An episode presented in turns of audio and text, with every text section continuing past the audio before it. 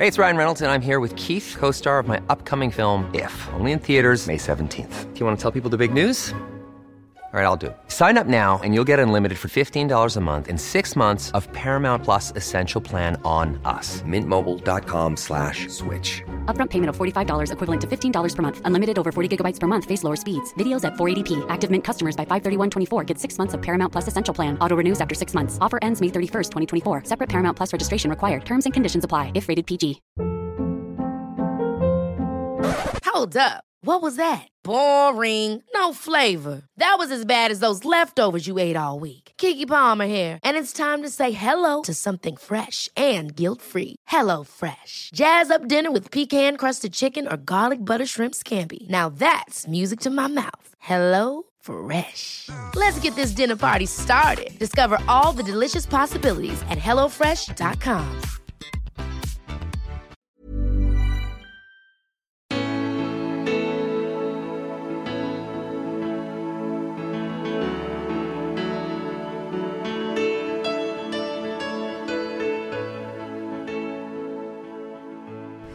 because that first mission to Mars is going to require food that has a five to seven year shelf life.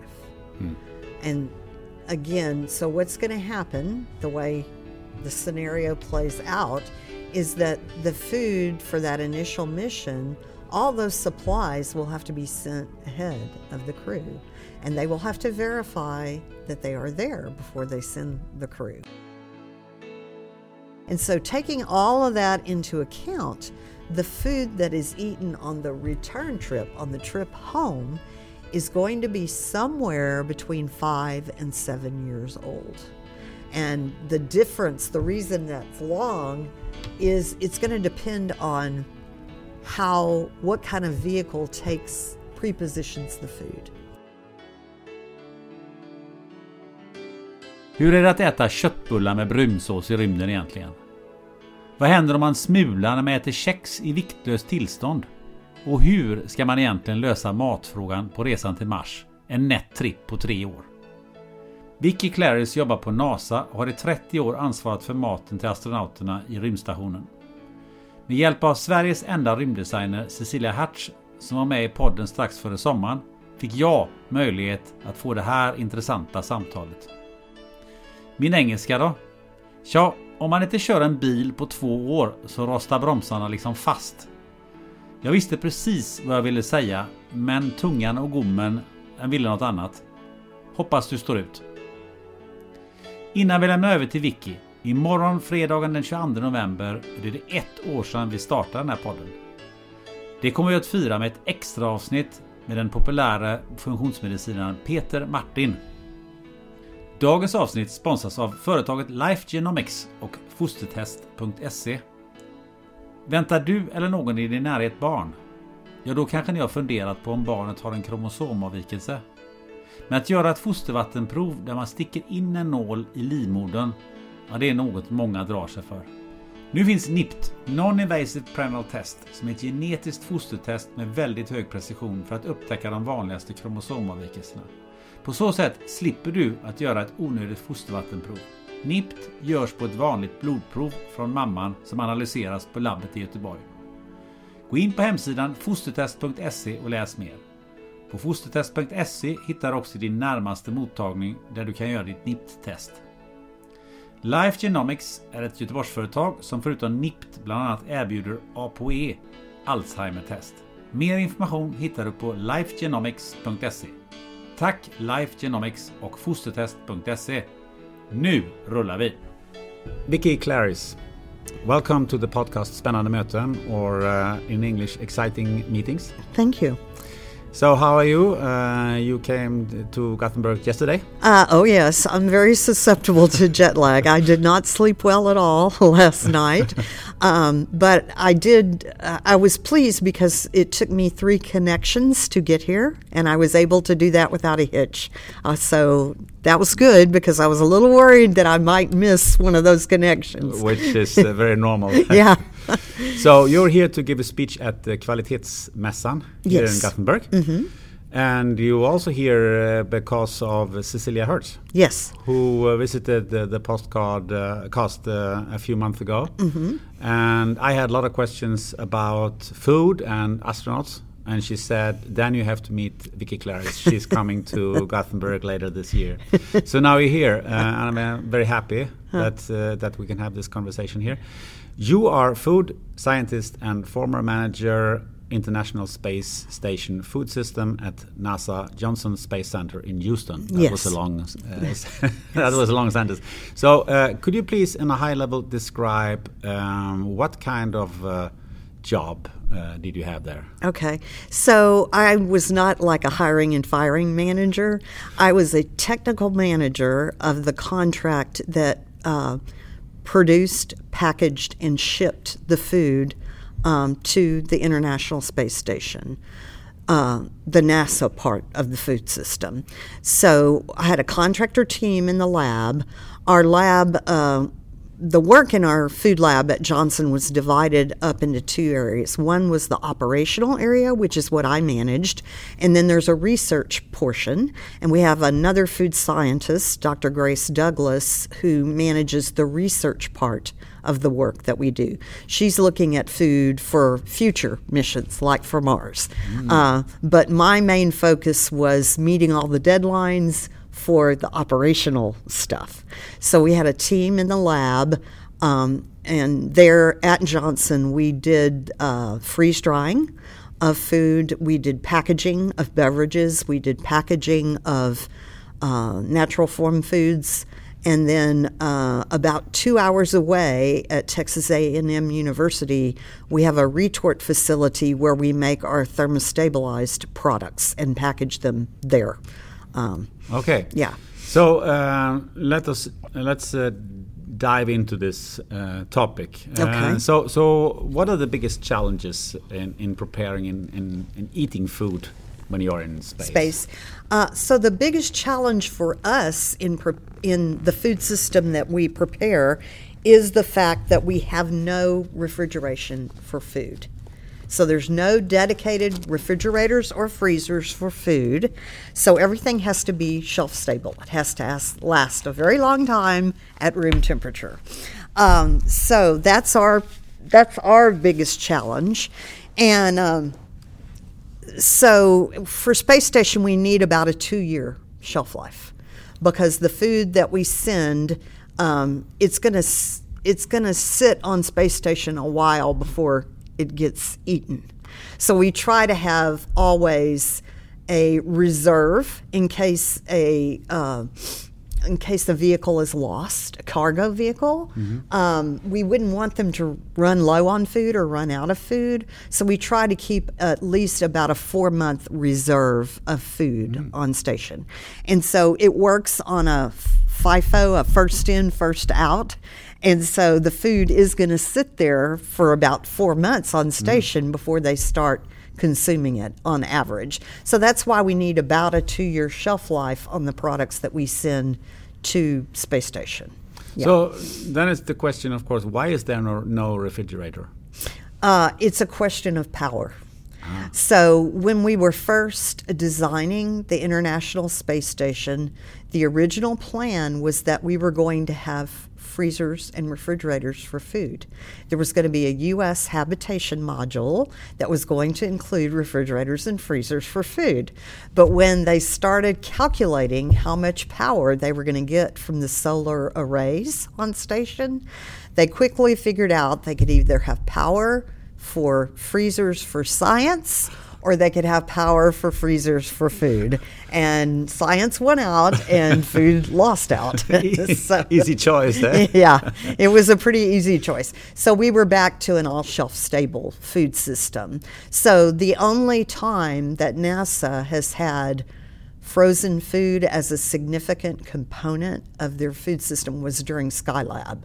Um, so we did have some frozen, NASA did have some frozen food during Skylab, but that's the only time. So shuttle, so I started my work with NASA pretty early in the shuttle program. I think 16 of the 135 missions uh, had flown before I got there. So almost, in, I was there for almost the whole shuttle program, and that was all shelf stable. And now station is all shelf stable. I mean, occasionally we will get to send some. They might have a freezer um, that's going to bring back frozen medical samples. And if it's empty on the uphill trip, we can send maybe some ice cream or some treats. But uh, we don't get to send, uh, you know, f- frozen or refrigerated food on a regular basis. Yeah.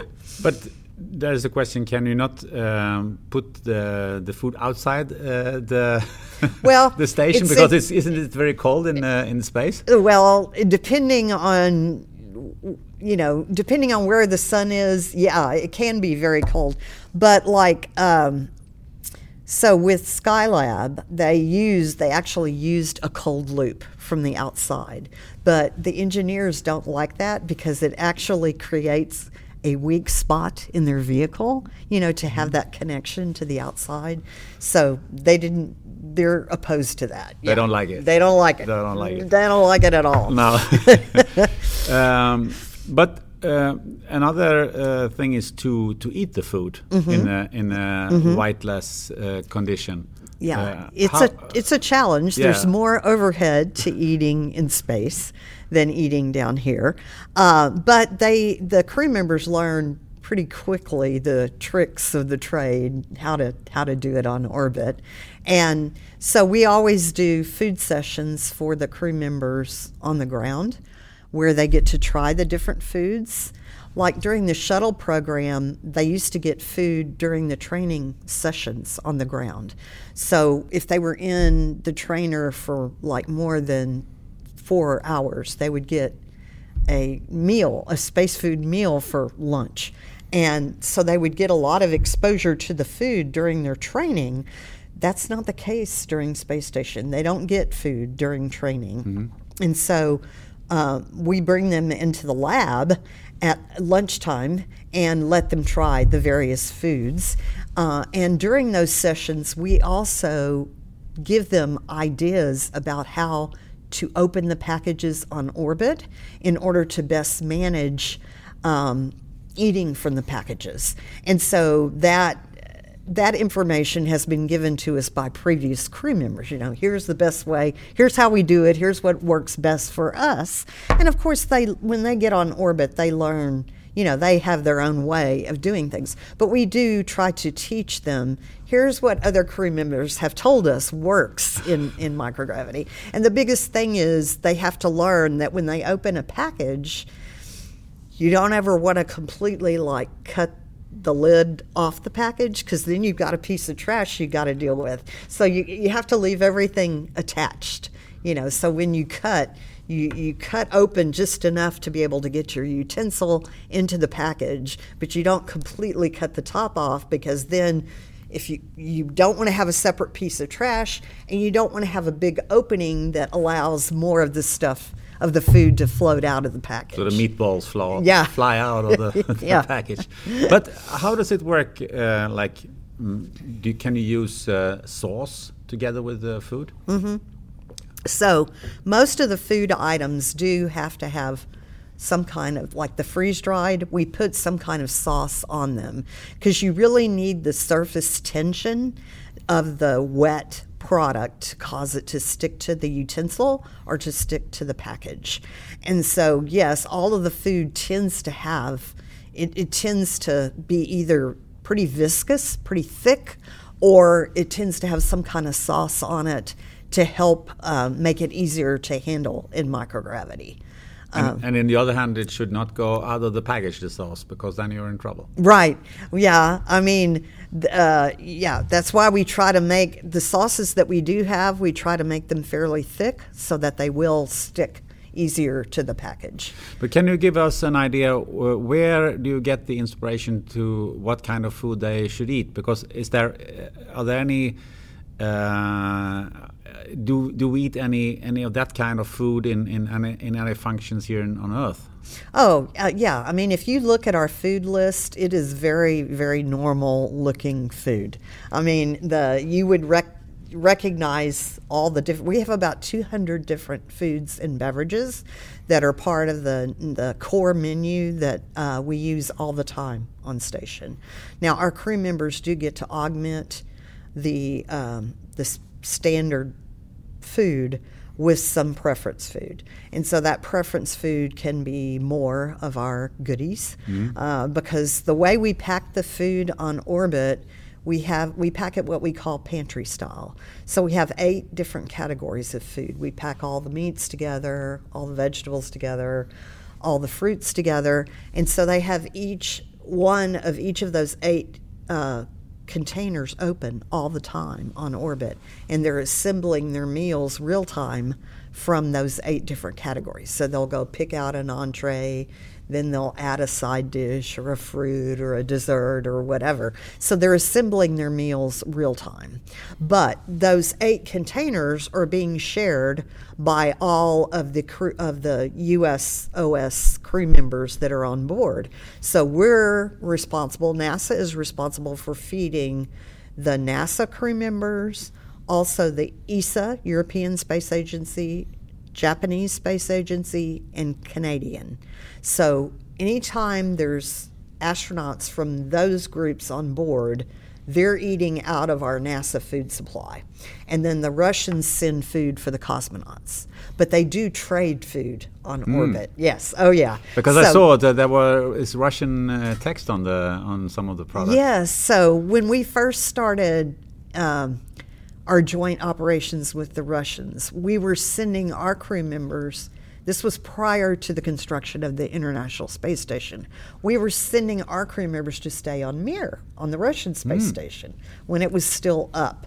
So they made an agreement with the Russians that we wanted our crew members to experience some long duration space flight because all the shuttle flights were short, like two weeks roughly or less. And so uh, we wanted our crew members to go stay on Mir. And so when we were sending our food to Mir, the Russians required that we label it in Cyrillic as well. And so we've just left that on the label. Yeah. Okay. But that goes back to when we were sending food to Mir. But that the, the food is um, a lot of it is uh, freeze dried. Right. Um, but isn't there? Uh, have you got any inspiration from the military in, in this kind of food? Oh, yes. So um, we do indeed partner with the military because the Natick Labs, which is the research um, facility for the U.S. military, it's located in Natick, Massachusetts, right near Boston. And they have a they do all kinds of research for the military there, food research, clothing research, all kinds of but we work clo- we work with those folks um, because the military and us we're the ones that have the interest in the very long shelf life food food industry not so much. They want you to have to buy new right? They don't want you to be able to have food that lasts two or three years. They want you to have to go to the store and buy more. So uh, so yeah the military has a big interest in uh, long shelf life food as do we. And so uh, our thermostabilized products that we send in pouches um, when I we used to buy the ones that the military made, and so uh, during the shuttle program, when I first came to work there, we were buying the pouched entrees that were made for the military for the meals ready to eat MREs. That's the name of the rations Okay. for the U.S. troops. And so MREs um, had these pouched entrees, and we would buy them. And they were fine for shuttle, but they're very high in salt and fat. Now, the military has good reason for having that in their products, but it's a negative for us for long duration spaceflight. Mm-hmm. So, when we went into the space station era, we wanted to get away from those thermostat those MREs entrees. We wanted to get away from the high salt, high fat. So we started formulating our own. But the inspiration definitely came from the military because we're still using the same flexible cans, the pouches that the military developed for the MREs. And what did what did they learn from you? Uh, well, it's interesting because when they develop new products and we develop new products, we'll send samples back and forth. And so, one of our thermostabilized desserts that we developed, um, they liked it so much that they did their own version of it. Yeah. Okay. yeah. That's good. So there's been, you know, we've always kept in close contact. And like right now, um, there's two emerging uh, food processes that are uh, new ways to process food. And one of them is high pressure processing. And you may, I don't know how much, I'm sure you probably have that in Europe. We have it some in the grocery stores in the US. So when you thermostabilize a product, like in a can or a pouch, you're using a lot of heat and a little bit of pressure to kill the bacteria. So you create the product, you package it in the can or in the pouch, and you put it in the retort, and the retort uses high heat and a little bit of pressure to kill all the bacteria inside, and that's how you end up with a shelf stable product. Mm-hmm. So, high pressure processing, it flips that. It uses a little bit of heat and a lot of pressure to, to kill bacteria. And so in the US right now, on the commercial market, we have products that have been high pressure processed, but uh, not to shelf stability. They still require refrigeration, but the high pressure has been used to kill the pathogenic bacteria like Salmonella, E. coli, things like that. So it extends the shelf life, makes them safer, but they still require refrigeration. So right now, the military and us as well are partnered to look at high pressure processing to shelf stability so that we can have long duration shelf life from these products at room temperature. The advantage of high pressure processing, because you use less heat, you do less damage to the food. So the quality of the food is better because when you retort a product and you thermostabilize it with heat, with high heat, you've stopped the bacterial changes in the product, but you haven't stopped the chemical changes in the product. So over time, there are still going to be chemical changes that occur inside that can or inside that pouch. And those chemical changes degrade the food. So the flavor, degrades, the color degrades, the texture degrades over time. So it becomes less, the quality is reduced. And you also have reduction in the nutritional content. So over time, nutrients degrade because of the chemical changes. So with high pressure processing, because you've applied less heat, you start with a higher quality product that has better color, better flavor, better texture, better nutritional content. So the degradation will still occur, but because you're starting at a higher point, you get a longer shelf life out of the product. So that's the advantage of high pressure processing. So military's looking at that, we're looking at that. Also, another one is uh, microwave sterilization. So, microwave sterilization, it still uses the same amount of heat, but it applies it over a shorter period of time. In a retort, when you thermostabilize, you have a long heat buildup and a long cool down. With a microwave sterilization, that heat application is shortened. And again, you get, in theory, you get a higher quality product, so you get a longer shelf life because you start out with a higher quality product. Will we see these kind of products in uh, the grocery store also? Eventually. You should, yes. But uh, like I said, military and NASA has more interest in this long, long shelf life. In fact, you probably already are seeing some of the high, pre- uh, high pressure processing products in the grocery store. They just may not be to a level of shelf stability yet. They aren't in the U.S. to a level of shelf stability.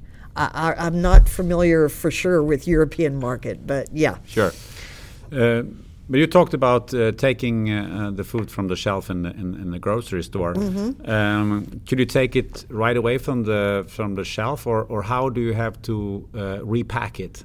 Because you cannot use like a, a package of crackers. Yeah, well, we could in theory, but it's more cost effective for us to repackage these products um, because all of the materials that you send into the spacecraft environment, if you send them in significant quantities, then that material has to be tested and approved for that environment. Because since it's a closed environment, any chemicals that are given off into the environment, the crew members will be breathing that um, and so they're concerned about uh, all the different inks and, and everything that are in these packaging materials. So we have pre approved materials that we use, and it's, it's more cost effective than trying to um, approve all the different manufacturers' materials, all the different commercial materials. And when we repackage, it allows us to put things in single serving form. And so that's easier for the dry products like nuts and cookies and crackers and candies. That's easier for the crew members to handle on orbit, um, to handle them in single serving than in bulk because in bulk they're going to tend to want to float out of the package and they're going to be more difficult to handle. And they also have to be small enough so you can take them in one bite? Yeah, we tend to try to use cookies and crackers that can be put all in the mouth at one time because that's uh, creates less crumbs than if you have to bite into something in microgravity. Because what happens when the, when you have crumbs in the yeah. inside well, the space station? They can. Uh, I mean, they do have a filtration system that can filter that out, but it's still best to try to minimize the amount of crumbs so that they don't have to clean all that up.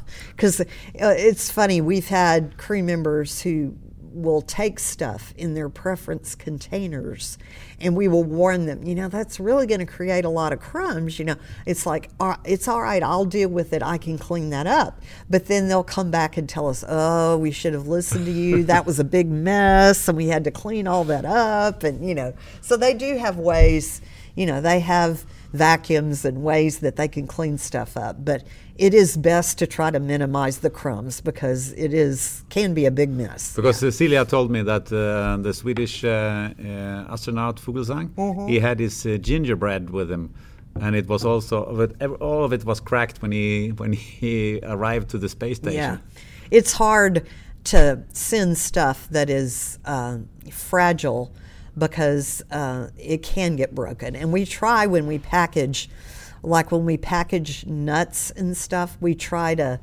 to take out any crumbled, you know, we try to just put the whole nuts in there. But you can't I mean, you can't totally keep things from getting broken, and they do get broken sometimes, yeah. So, what are the favorites uh, of the astronauts? Well, you know, it varies quite a bit, but historically, one of our most favorite products has been our freeze dried shrimp cocktail. Mm-hmm. Um, we have freeze dried shrimp with a uh, tomato based cocktail sauce, but it has horseradish mm. in the mm. sauce. So it's got a little kick to it. And uh, a lot of our crew members say that they feel like their taste buds are a little bit dulled on orbit. So, probably that's because they're not getting as much aroma from the food since they're eating out of packages rather than off a plate. And when you, so that's kind of interfering with how much aroma they're getting from the food. And aroma is a huge part of how we perceive the flavor of food. So it's like when you and I have a cold and our nose is congested, everything tastes different because you, are not getting all that aroma in the back of your nose from the food. So when you put it in your mouth, you're also getting aroma through your nose. And so um, anything that impedes that, like when you have a cold and you're congested, everything's going to taste less intense or it's going to taste like nothing because you can't smell it. You're not getting aroma from it. So on orbit, because they're eating from packages, that somewhat impedes the amount of aroma that they're getting.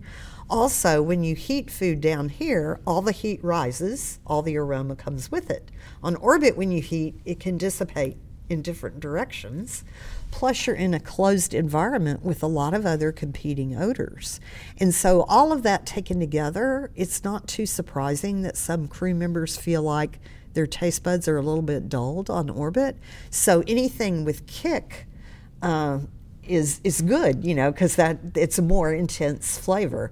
So our shrimp cocktail has been very popular, and hot sauce, you know, mm-hmm. uh, is very popular on Orbit. Uh, and so we do send condiments uh, that they can use to to jazz up the food a little bit, um, but we have to not go too overboard because.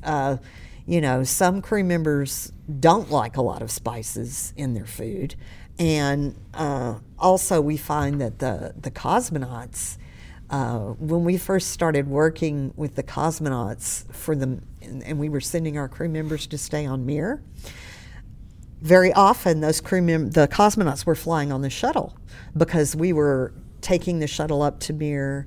We were picking up crew members from Mir and bringing them home, and we were delivering new cosmonauts to Mir.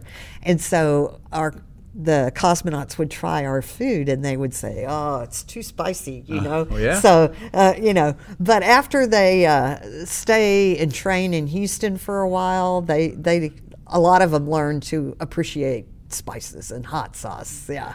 Uh, it's uh, funny because uh, I had um, a famous mountaineer uh, in the podcast uh, half a year ago, Fredrik Sträng, mm-hmm. who's been uh, climbing Mount Everest and yes. other mountains over 8,000 meters. And he told me that when you get up to a certain altitude, it's always uh, it's also a problem to uh, to feel the taste of the food. You don't mm-hmm. like it because it's uh, uh, probably of the air pressure also or something like that. I don't know. Yeah, could be. Yeah.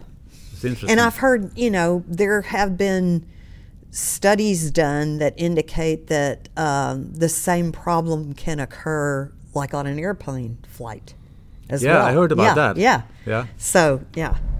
But then, you know, it's kind of interesting because some crew members will say, oh, you know, the food tasted a little bit different on orbit, not quite as intense. And then other crew members will say, oh, it's all in your head. You know, there is no difference. so it, it's very much a personal preference thing, you know. It's hard to predict. Another favorite I heard about is M&M's. Yes. So we do, yeah, we have, uh, we fly plain M&Ms. We fly peanut M&Ms. Uh, so yeah, candies are popular. We always had uh, candies, cookies in the shuttle program. Uh, when we first were going to go into the space station program, um, and we knew that we were going to be formulating our own thermostabilized products for the first time, we were going to be doing that uh, we sat down, all the food scientists in the lab, we sat down and said, okay, let's look at our food list. You know, what are we missing from the food list? What would we like to start with? And, you know, here, and we have a dietitian in the lab and everything, and, and we're thinking about, oh, we want healthy foods, we want to reduce the salt and the fat. But then we're like, you know what we're really missing from this menu? A dessert that you can warm up because all of mm. our desserts to that point had been like M&Ms or had been cookies. So they were cold desserts, just room temperature desserts. And we're like, if you're on orbit for a long time, wouldn't it be great psychologically to have a dessert that could be warmed up? And so some of the first thermostabilized products that we developed were desserts even though they aren't the healthiest products we have. But from a psychological perspective, it was a hole that we had in our menu. And so, and they were so well accepted. It's funny, when we first made them, we're like, this is only for the space station crew members, right? We're only making enough to send to the space station crew members. But then we were still flying shuttle to the station, and the shuttle crew members were like, oh no, we want these too. so you have to make more so that we can have those desserts as well. That's great. But what kind of food could you absolutely not take to to the space station? And I don't mean food that is uh, has to be refrigerated or freezed. I mean, is there any food that is big no no? You cannot have that in, uh, inside there. Well, not really. I mean, if you can make it it, it uh, again, some of it goes back to how much mess you're willing to deal with on orbit, you know, because there are things that would create a lot of crumbs, and we have avoided those uh, because they are messy. Um, that doesn't mean they couldn't be sent, um, but it's just how much you're willing to deal with. And some products do well uh, like when you freeze dry something or you thermostabilize something, it, it's very different than just like, you know, we've worked with chefs in the past where they've come in and said, oh, I have this wonderful recipe, you know, and yeah, it's wonderful when you prepare it and eat it immediately, but they're not really trained to make food that's that's going to last a really long time. I mean, that's kind of the difference between a chef and a food scientist. Food scientist, you know, we're we're looking at how do you process food to get a long shelf life, which is very different from what chefs are traditionally trained to do. I mean, they're trained to prepare something that you're going to eat right then and there. But how do you find this middle of the road? between through, the chef and the food through scientist? experimentation, really. I mean, so we start like if we're developing a new product, we will start. The food scientists will start with a with a recipe, but and and you know you then you have to determine: do you think it would work best freeze dried or would it work best as a thermostabilized product? And so some of it is kind of a feel from having done it having developed products over the years for f- space flight, we kind of know what things will work as freeze dried and what will work as thermostabilized. But when you go through the process, it changes the product. Mm. And so y- it never works the first time. I mean, you usually have to do multiple iterations and change the formulation and adjust things to get it to to make the highest quality freeze dried product or highest quality thermostabilized product that you can. Um, and some things just haven't worked well. And so, um, if you can't really get a good quality product out of something, it's not really worth it. Uh, you know, because we we have tried different products over the years that just have not worked well, and so we've just we've walked away from that and said we'll do something else. Yeah. But how do you heat uh, the the food? How do you, how do you make it uh, warm? How do you cook it? Is uh, do you have a microwave oven or or no. what? So um, we do not have a microwave on station. When we thought we were going to have frozen foods for space station, they looked at developing a microwave for flight so that they but the problem with having a microwave on station, and this is what from what the engineers have told me, this is not personal experience, but what the engineers have told me is that by the time you shield the microwave sufficiently to prevent the microwaves from interfering with the like the communications mm. and the other things, the other electronics on orbit, by the time you do that, it weighs so much that it's not practical. It adds so much weight to the oven because the shielding you have to put in there. And the thing about microwaves, over the long term, they use less power. But when you first turn them on, there's mm. a big power spike. Mm. Um, and so that presents a problem um, in space, in a spacecraft. Uh, and again, that's what the engineers have told me. So we don't really have microwaves. We have conduction heating. So what they have on orbit is a small oven.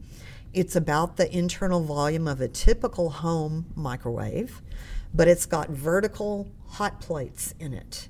And they actually clamp the package to the there's clamps in there that hold the package up to the hot plate and it heats by conduction. Mm. So that's how they warm up the food.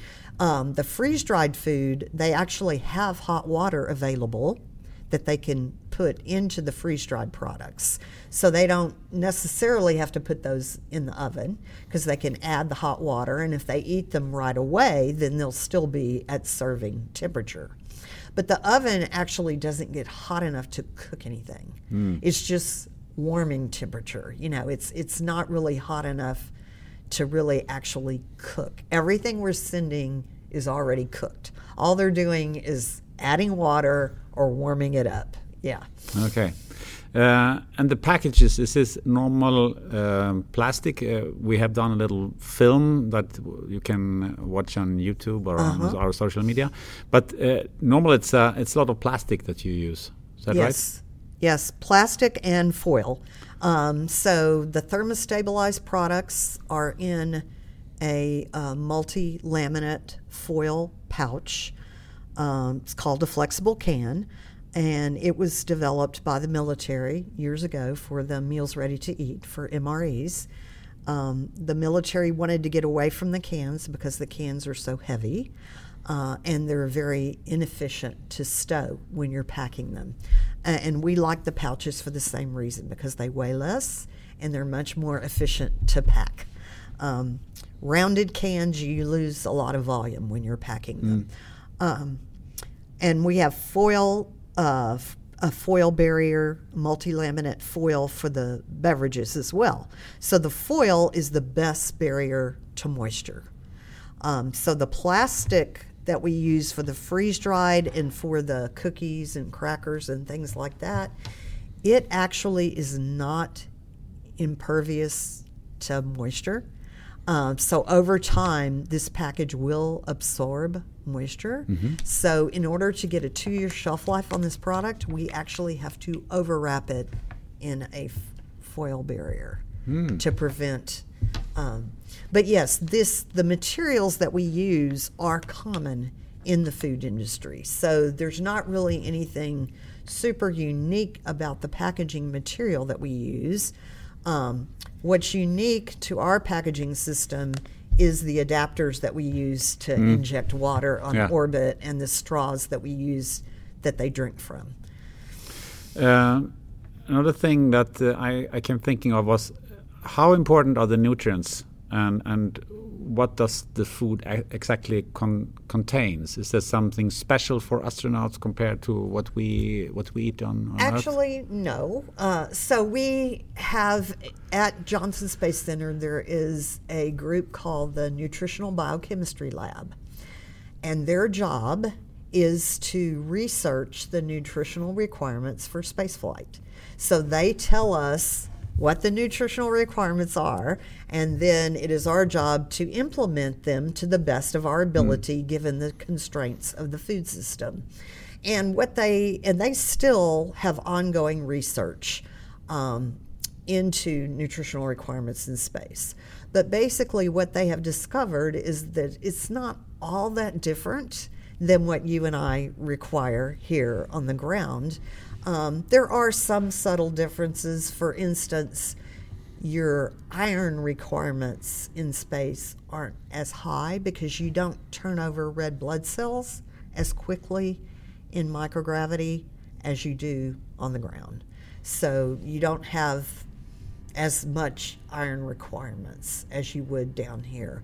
But in general, there's not that many differences. But again, there's still a lot of research looking at how like sodium affects bone and muscle loss uh, because that's a big concern for like a mission to Mars because our crew members still experience some bone and muscle loss in microgravity. That has improved greatly over the space program and even over the life of space station. So we've had space station up basically 20 years now and the exercise equipment that they've had on orbit has improved over time. And so as long as they're exercising and at like they're supposed to and the um, exercise some because the equipment has improved their bone and muscle loss is less than it used to be but it's still a concern for long duration for like a mission to Mars, since that's going to be three years round trip. Of course, part of that time when they're on Mars, they will have some gravity. Uh, so it won't be that they're in total microgravity that whole time, but it's still a concern.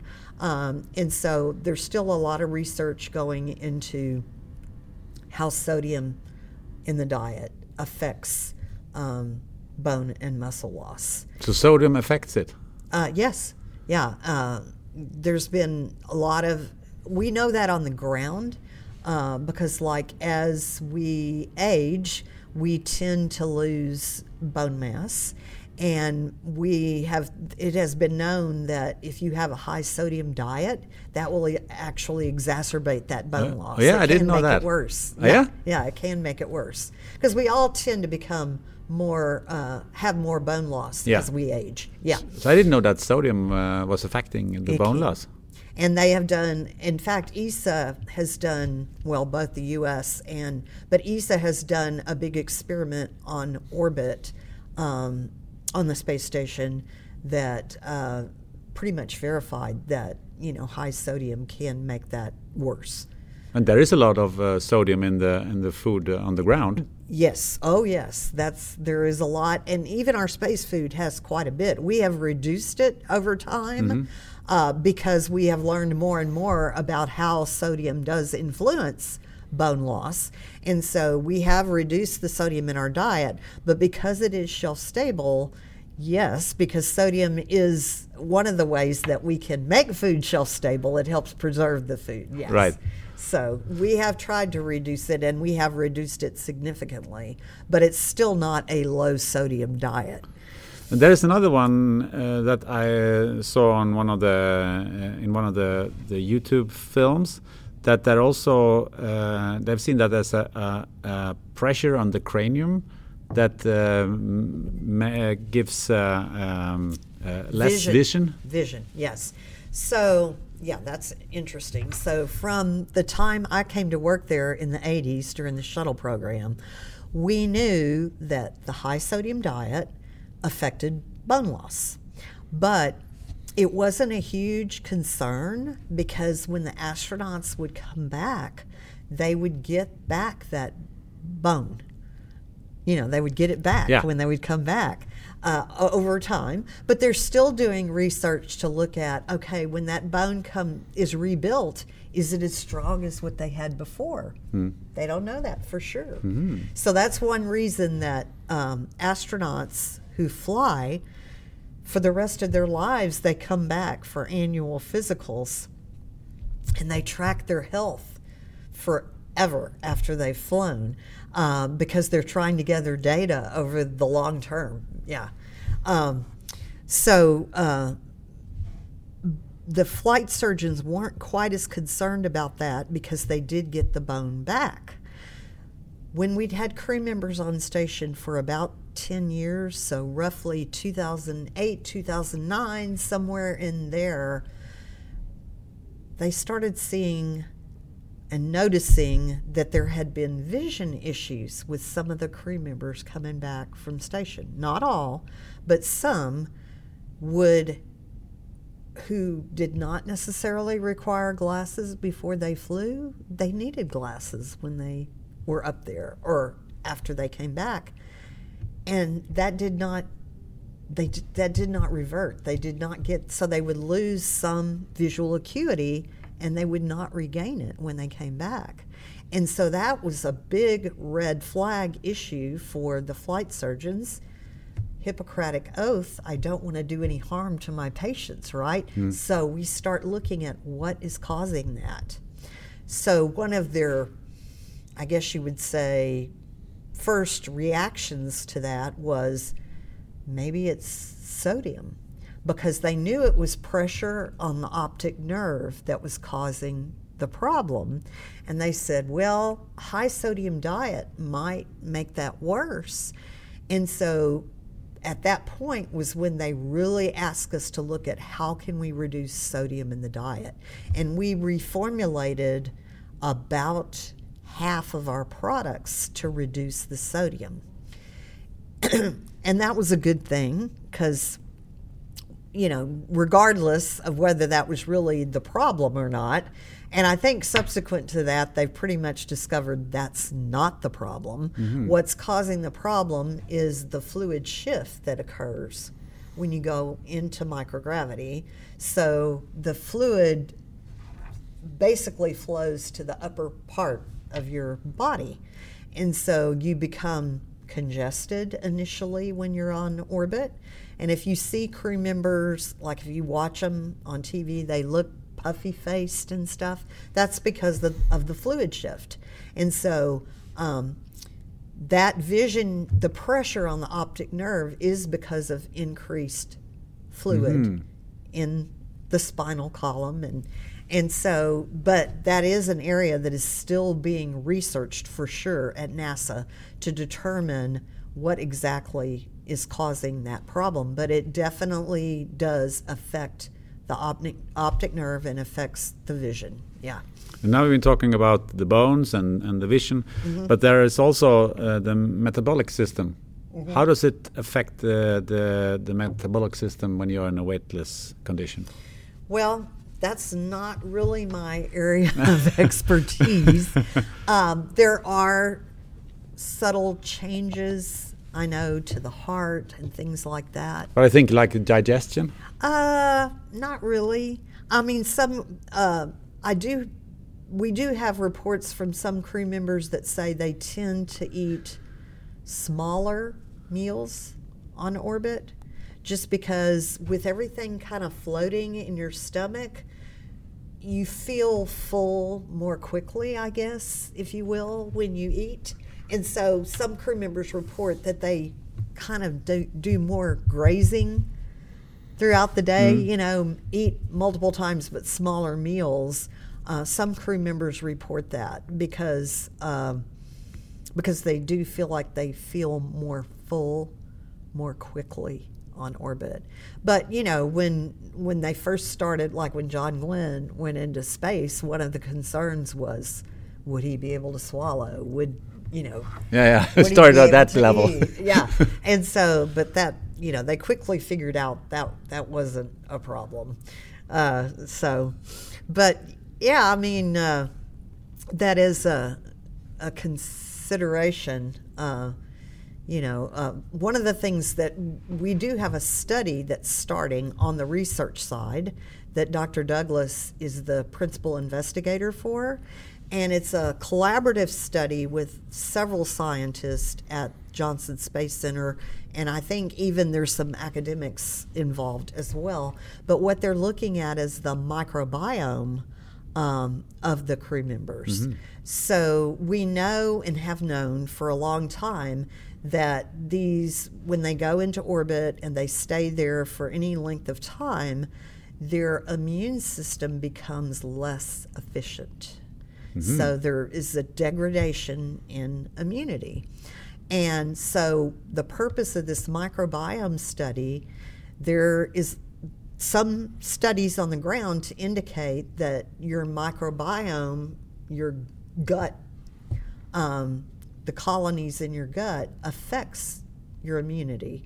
And so this study is going to look at controlling, trying to increase certain good aspects of the microbiome in these crew members to see if that will improve their immune function on orbit. So that is a study that is just getting started now. So, so that was my my next question uh, about uh, the the bacteria and and uh, virus in in this uh, uh, in the space station. Is that a, is that a big issue? Um, not really. I mean, they've done a lot of research because they have. There is some research that indicates, and this again ties to the immune system, that they feel like uh, some um, viruses, some bacteria, more are more virulent in microgravity, but. Um, Again, that's not my area of expertise, but I know that they have looked at that. And part of that may be like I know um, they've looked at viral reactivation in crew members on orbit. Um, so some crew members have seen um, things like fever blisters come back and, and stuff like that.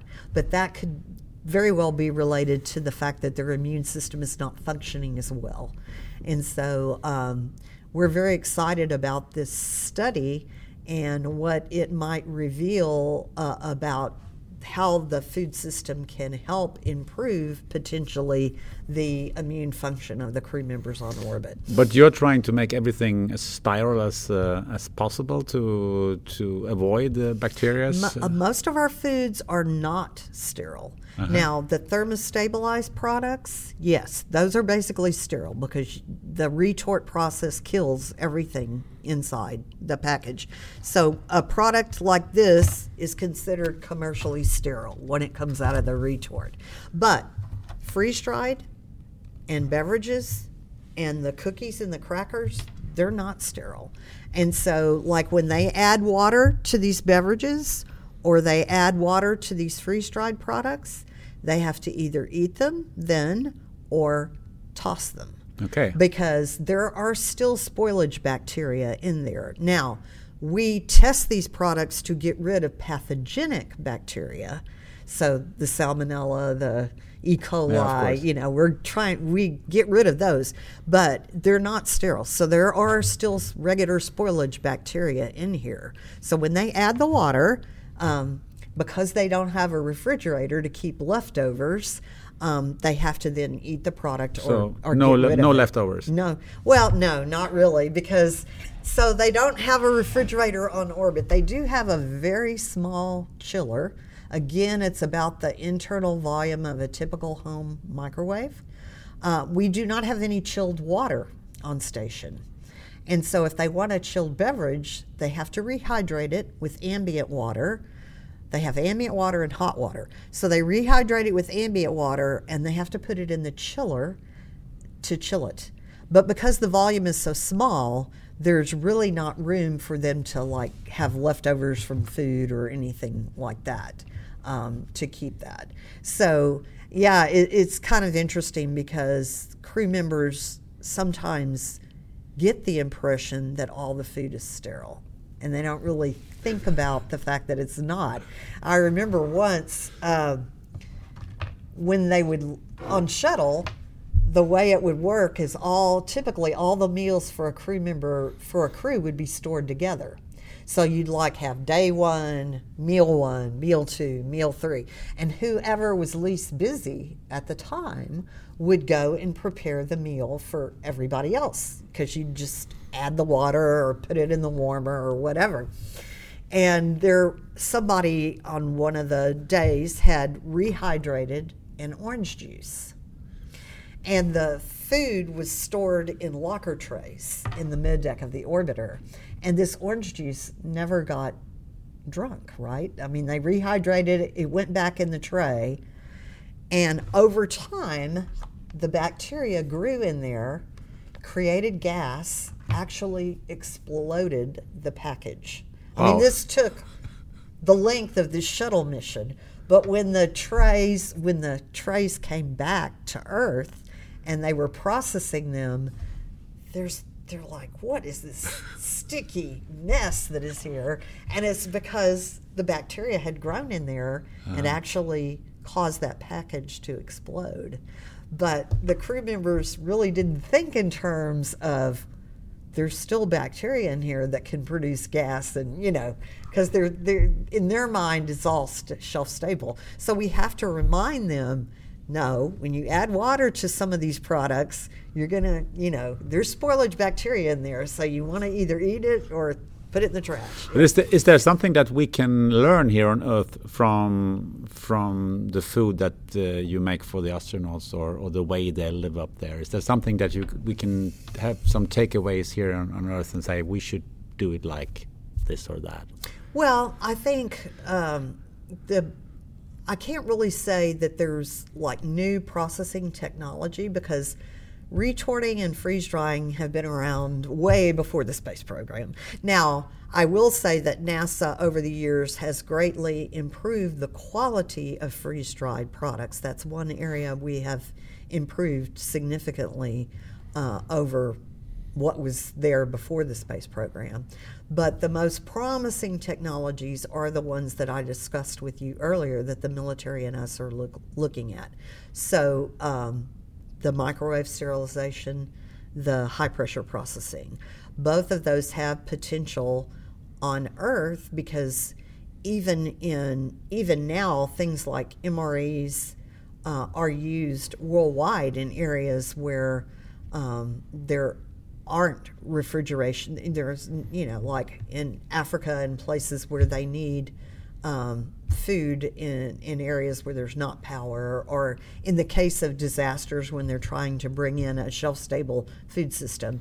And so, certainly, microwave sterilization and um, high pressure processing have potential to improve the quality of those, um, you know, disaster food systems and relief food systems around the world. Uh, but something we can learn from from astronauts is the recycling, I think, because yes. earlier today when we had our breakfast, you told me that they recycle like every all water. Mm -hmm. You never send up water to to the space station. Um, I think the Russians may still send up a little water on the Russian side, but on the U.S., uh, because they're starting to recycle all their water as well. Um, but on the U.S. side, we've been recycling water for quite some time. Um, so when we were still flying the shuttle, and the shuttle was going up to the space station, uh, the shuttle used um, fuel cells and the fuel cells a byproduct or a waste product was water. Mm. And so shuttle always had an abundance of water. And we would dock with space station. We would actually transfer water over to space station. But after we stopped flying the shuttle, we had uh, we no longer had a way uh, to transfer water. And so at that point, we had to be set up to recycle water because we could not really launch enough water to support um, more than two or three crew members on station. And we want to have more than that on orbit.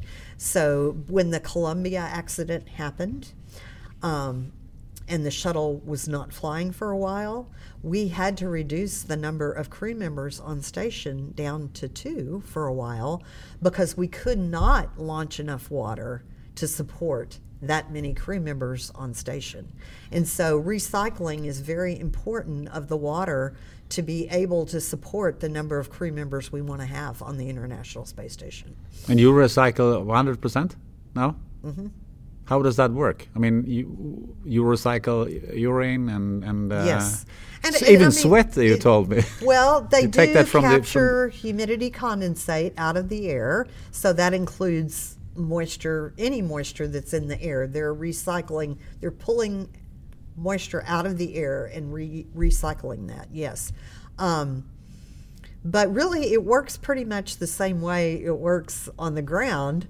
Uh, you know, the systems are set up. Uh, and they're using uh, chemical methods uh, to recycle the water up there. And it, it's, it's, similar to what we would do here on the ground, but it, the process is much shorter. Like, you know, when when we dispose of urine here, ultimately we get that water back, but it's just much later. You know, it's a long process.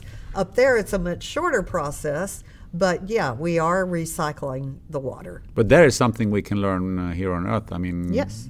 thinking about the future and and uh, and the, the need for recycling that we that we really have here. Yes. And the climate problem. Mm-hmm. So that is something we can learn from from the astronauts.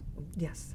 How to improve that. Yes. How to improve that. Mm-hmm. Um, now, in the future, the next uh, uh, project is to to um, build a sort of um, housing or what do you call it in, on on the moon, mm-hmm. and also go to to, to Mars. Mars. So yes, so it's back to the moon, back to the moon to stay on the moon, and then on to Mars. And so, what they're talking about is the gateway, um, which will be basically a um, mini space station orbiting around the moon. So, they will go and they will go from there and do excursions to the lunar surface and eventually stay on the lunar surface. Um, so the challenges that we have uh, for really come in the food system really come for Mars because that first mission to Mars is going to require food that has a five to seven year shelf life. Hmm. And again, so what's going to happen, the way the scenario plays out, is that the food for that initial mission, all those supplies will have to be sent ahead of the crew. And they will have to verify that they are there before they send the crew. But they send it to Mars and, and land it there before the crew arrives. There- It's either going to be on the surface or it's going to be in orbit around Mars. And it won't be just the food, it'll be lots of the stuff that they need, lots of their supplies. Uh, because um, y- you don't, they can't take it all with them, it's too much. And uh, they don't want to send them without verifying that they have what they need. And so the food will be produced, it will be loaded on a vehicle, it will be sent to Mars, then the crew will be launched. And so when you factor in all the time involved, you know, because right now it takes about six months to get to Mars, and then you have to wait about 18 months ish before you can launch again because you got to wait for Earth and Mars to get as close together again before you launch. And so, taking all of that into account, the food that is eaten on the return trip, on the trip home, is going to be somewhere between five and seven years old. And the difference, the reason that's long, is it's going to depend on how, what kind of vehicle takes, prepositions the food. So it might be a chemical rocket, but if it's not a chemical rocket and it's a solar powered cargo vehicle, that will take longer. And that's why you have that five to seven year mm. window. So the problem is it's we can easily make foods we can make foods that will be safe to eat for five to seven years. Oh, yeah? Yeah. Already? From a microbiological perspective. But the problem is controlling those chemical changes that occur in the food because the, the concern is what will the quality of that food be after five to seven years? What will the nutritional content of it be? And so that is the challenge. You want to have enough variety in the food system. You want to have enough different products because you think about if that crew, that first crew launches to Mars, it's going to be roughly a three year mission round trip. So you need to have enough variety in the food system that they're going to continue to eat. Uh, the military has done a lot of studies in the field with soldiers that show if you don't have enough variety in the diet, at some point menu fatigue sets in and they eat enough to survive but not enough to thrive. Hmm. And so we want the crew the crew members NASA wants the crew members on that return trip to still be high performing and in the best health possible. And so that means we're going to have to have significant variety in the food system. We're going to have to have make sure that it's got good nutritional content and that it's got high quality so that they'll continue to eat everything that they need to in order to be at high performance. So that that is quite a, a mission to go It's to to Mars. Uh, yes. Also in a, in a perspective of uh, of food. Yeah, and you know, and there are many other Yeah. issues, uh, radiation issues, quite a few other issues that are significant as well for a mission to Mars. Because I, I came thinking of uh, that this also should be could be a social problem. I mean, when you eat, uh, when when we sit around the table with a sort of a social interaction that we that we have uh, around food, and uh, That's very important. And This- how how do they secure that this that they are doing this on in in, a- in a space shuttle or in a in, in a So early on in the shuttle missions, the psychology of food was not as important. I mean, crew members would come in, and shuttle was interesting because we had a more limited food list on shuttle because the missions were short. We didn't need as much variety for a two week mission as you do for six months on station. But the crew members on shuttle, they got to choose exactly what they wanted. So we had a 100% personal preference menu on shuttle. They would come in and they would say, Day one, I want to eat this. Day two, I want to eat this. So they would tell us exactly. But most crew members on shuttle, food was not a big deal for them. It's like, ah, it's a camping trip. I can, I know I can find stuff I like. I'll be fine, you know. But when we went into long duration, immediately food became more important from a psychological perspective. Like the first crew members who went to stay on Mir, they had all flown on shuttle previously to going and staying on Mir. So when we started talking to them about what food, because when we were sending food to Mir, we only got to send a limited amount of NASA food to Mir. So a lot of their time on Mir, they were eating Russian food. And so, but they did get to send some. And so we would be like, what do you want us to send for you? And they're like, just go look at my shuttle menu, pull something off of there. Pull something off of my previous menu because I'm too busy learning Russian and training. okay. You know, I don't have time to think about food. Well, some of those crew members, after staying four months on Mir, they came back and said, oh yeah, I should have given more thought to food because when you're there for a long time, it becomes more important. Mm. And so, from a psychological perspective, the importance of food has increased greatly over the time mm. that I've been working there. Because for long duration crew members, it is much more important. It is one of the few creature comforts that they have when we're, they're up there. And from a social perspective, it's very important. So when they're there long duration, you're going to have more holidays, more birthdays, more more significant occasions where crew members want to share food and share meals. And so when we first started building Space Station, all of the dining, and it was small, all of the dining was done in the Russian service module.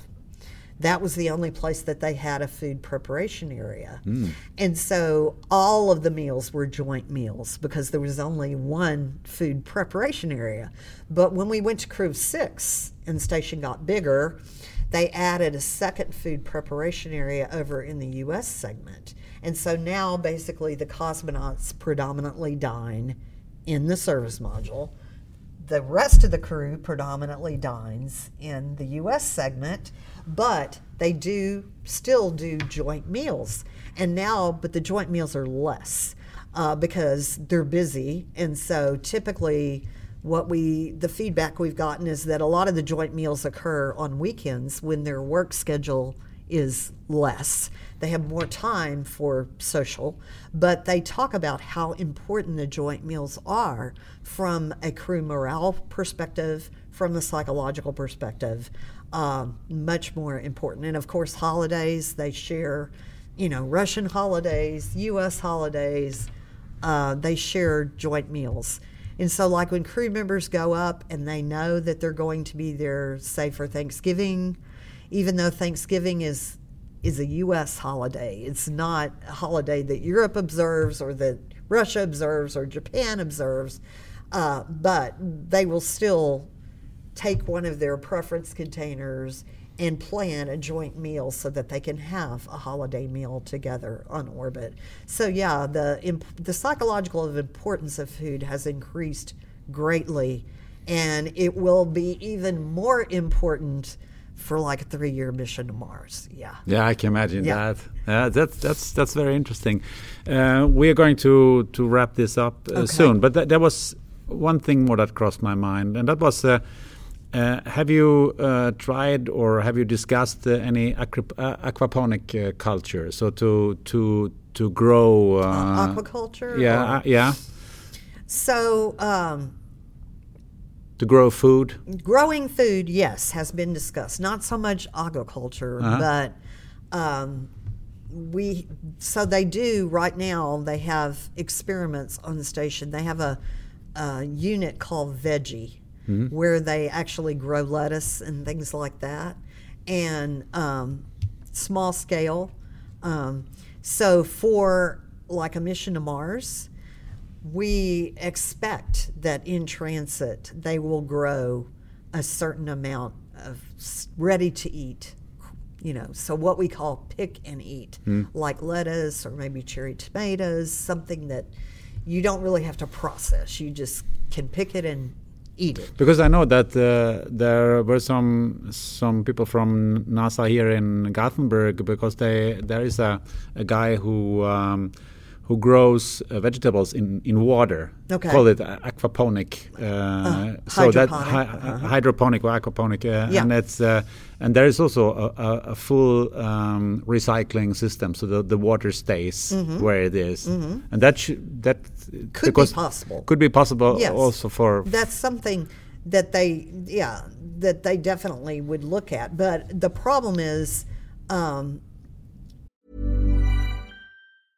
It's that time of the year. Your vacation is coming up. You can already hear the beach waves, feel the warm breeze, relax, and think about work. You really, really want it all to work out while you're away. Monday.com gives you and the team that peace of mind. When all work is on one platform and everyone's in sync, things just flow wherever you are. Tap the banner to go to Monday.com. One size fits all seems like a good idea for clothes until you try them on. Same goes for healthcare. That's why United Healthcare offers flexible, budget friendly coverage for medical, vision, dental, and more. Learn more at uhc.com. Hey, it's Ryan Reynolds, and I'm here with Keith, co star of my upcoming film, If, only in theaters, May 17th. Do you want to tell people the big news? All right, I'll do. it. Sign up now and you'll get unlimited for $15 a month and six months of Paramount Plus Essential Plan on us. Mintmobile.com slash switch. Upfront payment of $45 equivalent to $15 per month. Unlimited over 40 gigabytes per month. Face lower speeds. Videos at 480p. Active Mint customers by 531.24 get six months of Paramount Plus Essential Plan. Auto renews after six months. Offer ends May 31st, 2024. Separate Paramount Plus registration required. Terms and conditions apply if rated PG. if you did that in transit, it would still be small in volume compared to your total food needs. So more more than being a substantial part of the diet, it would be more psychological and more, uh, you know, an extra additive to the food rather than to the food system rather than a significant component because volume wise you're just not going to be able to produce a huge amount of food inside of a spacecraft Maybe more uh, On the some, something for the surface of the Right. moon. Yes. So, one of the studies that NASA has done in water, air and water recycling for habitats, like on the surface of the moon or potentially on Mars, would be where the plants were playing a significant role in helping to recycle the air and the water. Ah, yeah. Yes, yes. Now, most of that research is being done at the Kennedy Space Center in Florida. Yeah. So the the crop growth and, Yeah. but yeah, when when they were looking at um, air and water recycling systems, definitely plant growth was part of that. Using plants to capture carbon dioxide, produce oxygen, to take semi potable water and turn it into potable water, yes, I mean, that is definitely something NASA is looking at. But it is hard to do that in the confines of a spacecraft on a large scale. On a large scale, you're going to Yeah. need a surface habitat. Yeah, yeah. it's not it's not large enough to Right. So And you can't really process food in microgravity. I mean, you know, you could grow wheat in microgravity, but then you got to take that wheat and you got to mill it Yeah. and make Uh, it that- into yeah, flour. And to do that in microgravity is going to be very difficult.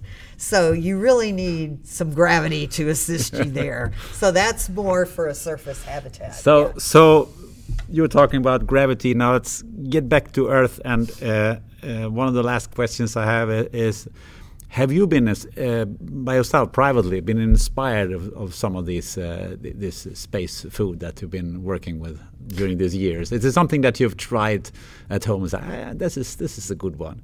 Well, you know, I've participated in a. I've been a test subject in different studies over the years during my career, and one of the studies that I participated in. Uh, was for the nutritional biochemistry lab, and for a month, I ate nothing but space food. nothing but space food. Okay, well, tell me about that. that. What, how was that feeling? it was fine. Uh, I mean, the hardest part for me was during the shuttle program, and so I was actually traveling to like I would have to go to Kennedy Space Center and so uh, I had to weigh and record everything that I ate, and I could only eat products that were equivalent to products from mm. The the actual food system. And so that was kind of tricky when I was traveling for sure. Yeah. But uh, yeah, so we did like a month where we weighed and recorded everything we ate, and part of that month was all space food, and then part of it was um, was equivalent commercial but equivalent products. So we were comparing the nutritional content and, and things like that. And then I did participate in a 91 day chamber study. Yeah, you told me. where we were testing air and water recycling systems. And so for that 91 days in the chamber, yeah, we were eating a lot of it was space food that we were eating during that time. Yeah. So But that was not the problem. You told me about that not, there was no shower. Yeah. No, we had a shower in there. Oh, you had? Yeah. My problem, I, I, what I told you was if I went to the International Space uh, okay. Station, my biggest problem would be no shower because I guess it's the microbiologist in me, but I'm kind of a clean freak. I like my daily shower. so I would have a hard time with sponge baths for six months. But uh, uh, space food is nothing that you take home for uh, for a Friday meal and uh, uh, with no, the family. Not or? typically because it's kind of expensive by the time oh, yeah? you, okay. it's processed and packaged. So no, don't typically take it home. okay, so let's uh, wrap it up, and we're getting close to to the end. Um, what do you think about so far of our conversation?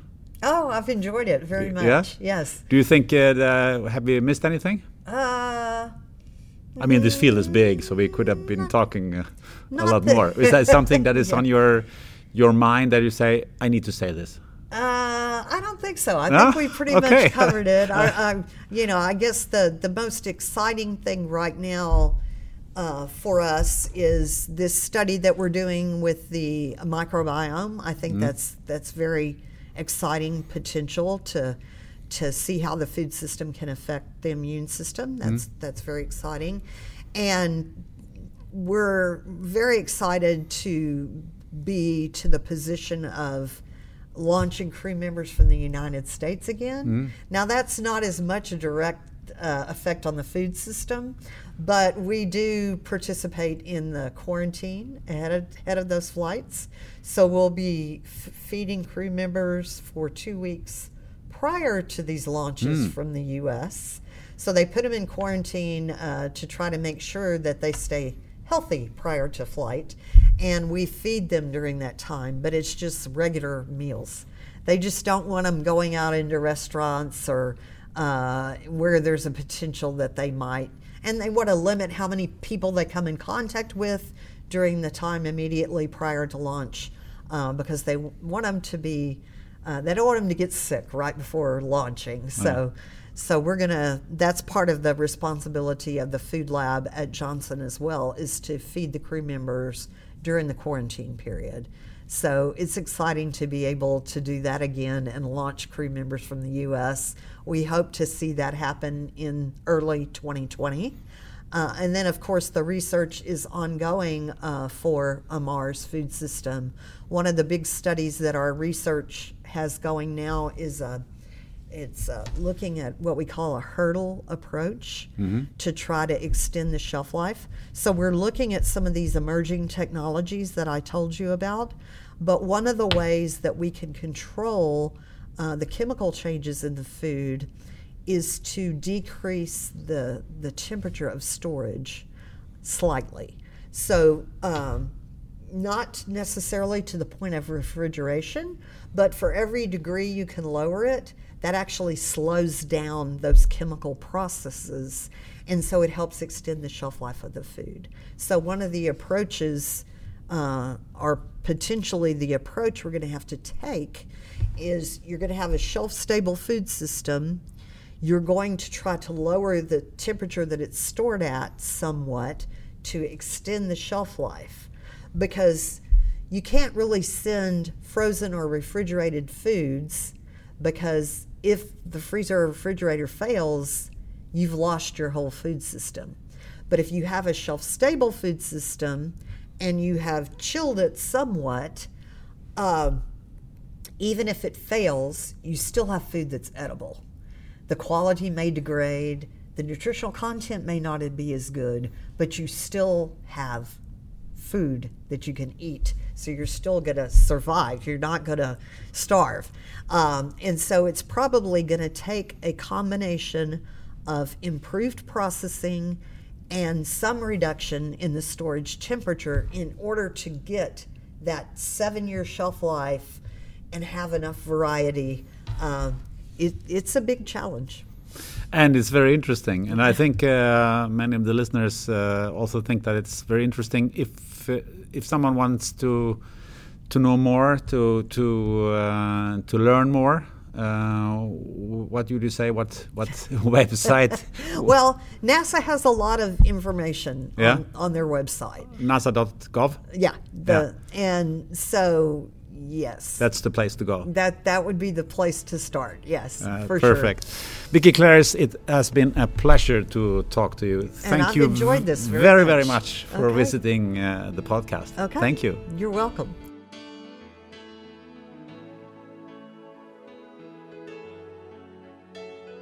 Sådär ja, nu vet du allt om space food och vilket käk som väntar astronauterna som reser till Mars. Vill du veta mer om hur man bygger hus på månen, hur man rent tekniskt tar sig till Mars och vad man faktiskt kan vänta sig där? Ja, då ska du lyssna nästa torsdag för då kommer Larry Toops som kallar sig Space Architect från NASA och han är en av de ansvariga för den kommande bosättningen på månen och resan till Mars. Innan dess, missa inte morgondagens avsnitt med Peter Martin. Jag vågar utlova många medicinska sanningar som säkert går tvärt emot populära åsikter. Missa inte det. Tills dess, laga en god paj, stoppa in den i frysen och ta fram den till middag om sju år. Den som gör det utlovas ett eget avsnitt i podden. Ha det gött!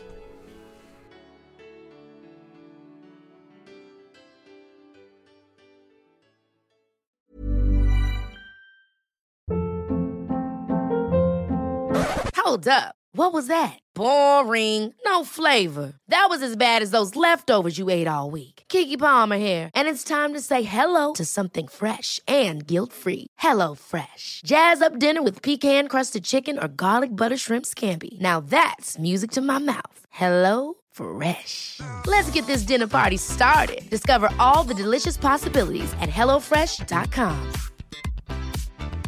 Even when we're on a budget, we still deserve nice things. Quince is a place to scoop up stunning high-end goods for 50 to 80% less than similar brands. They have buttery soft cashmere sweaters starting at $50, luxurious Italian leather bags, and so much more. Plus, Quince only works with factories that use safe, ethical, and responsible manufacturing. Get the high-end goods you'll love without the high price tag with Quince.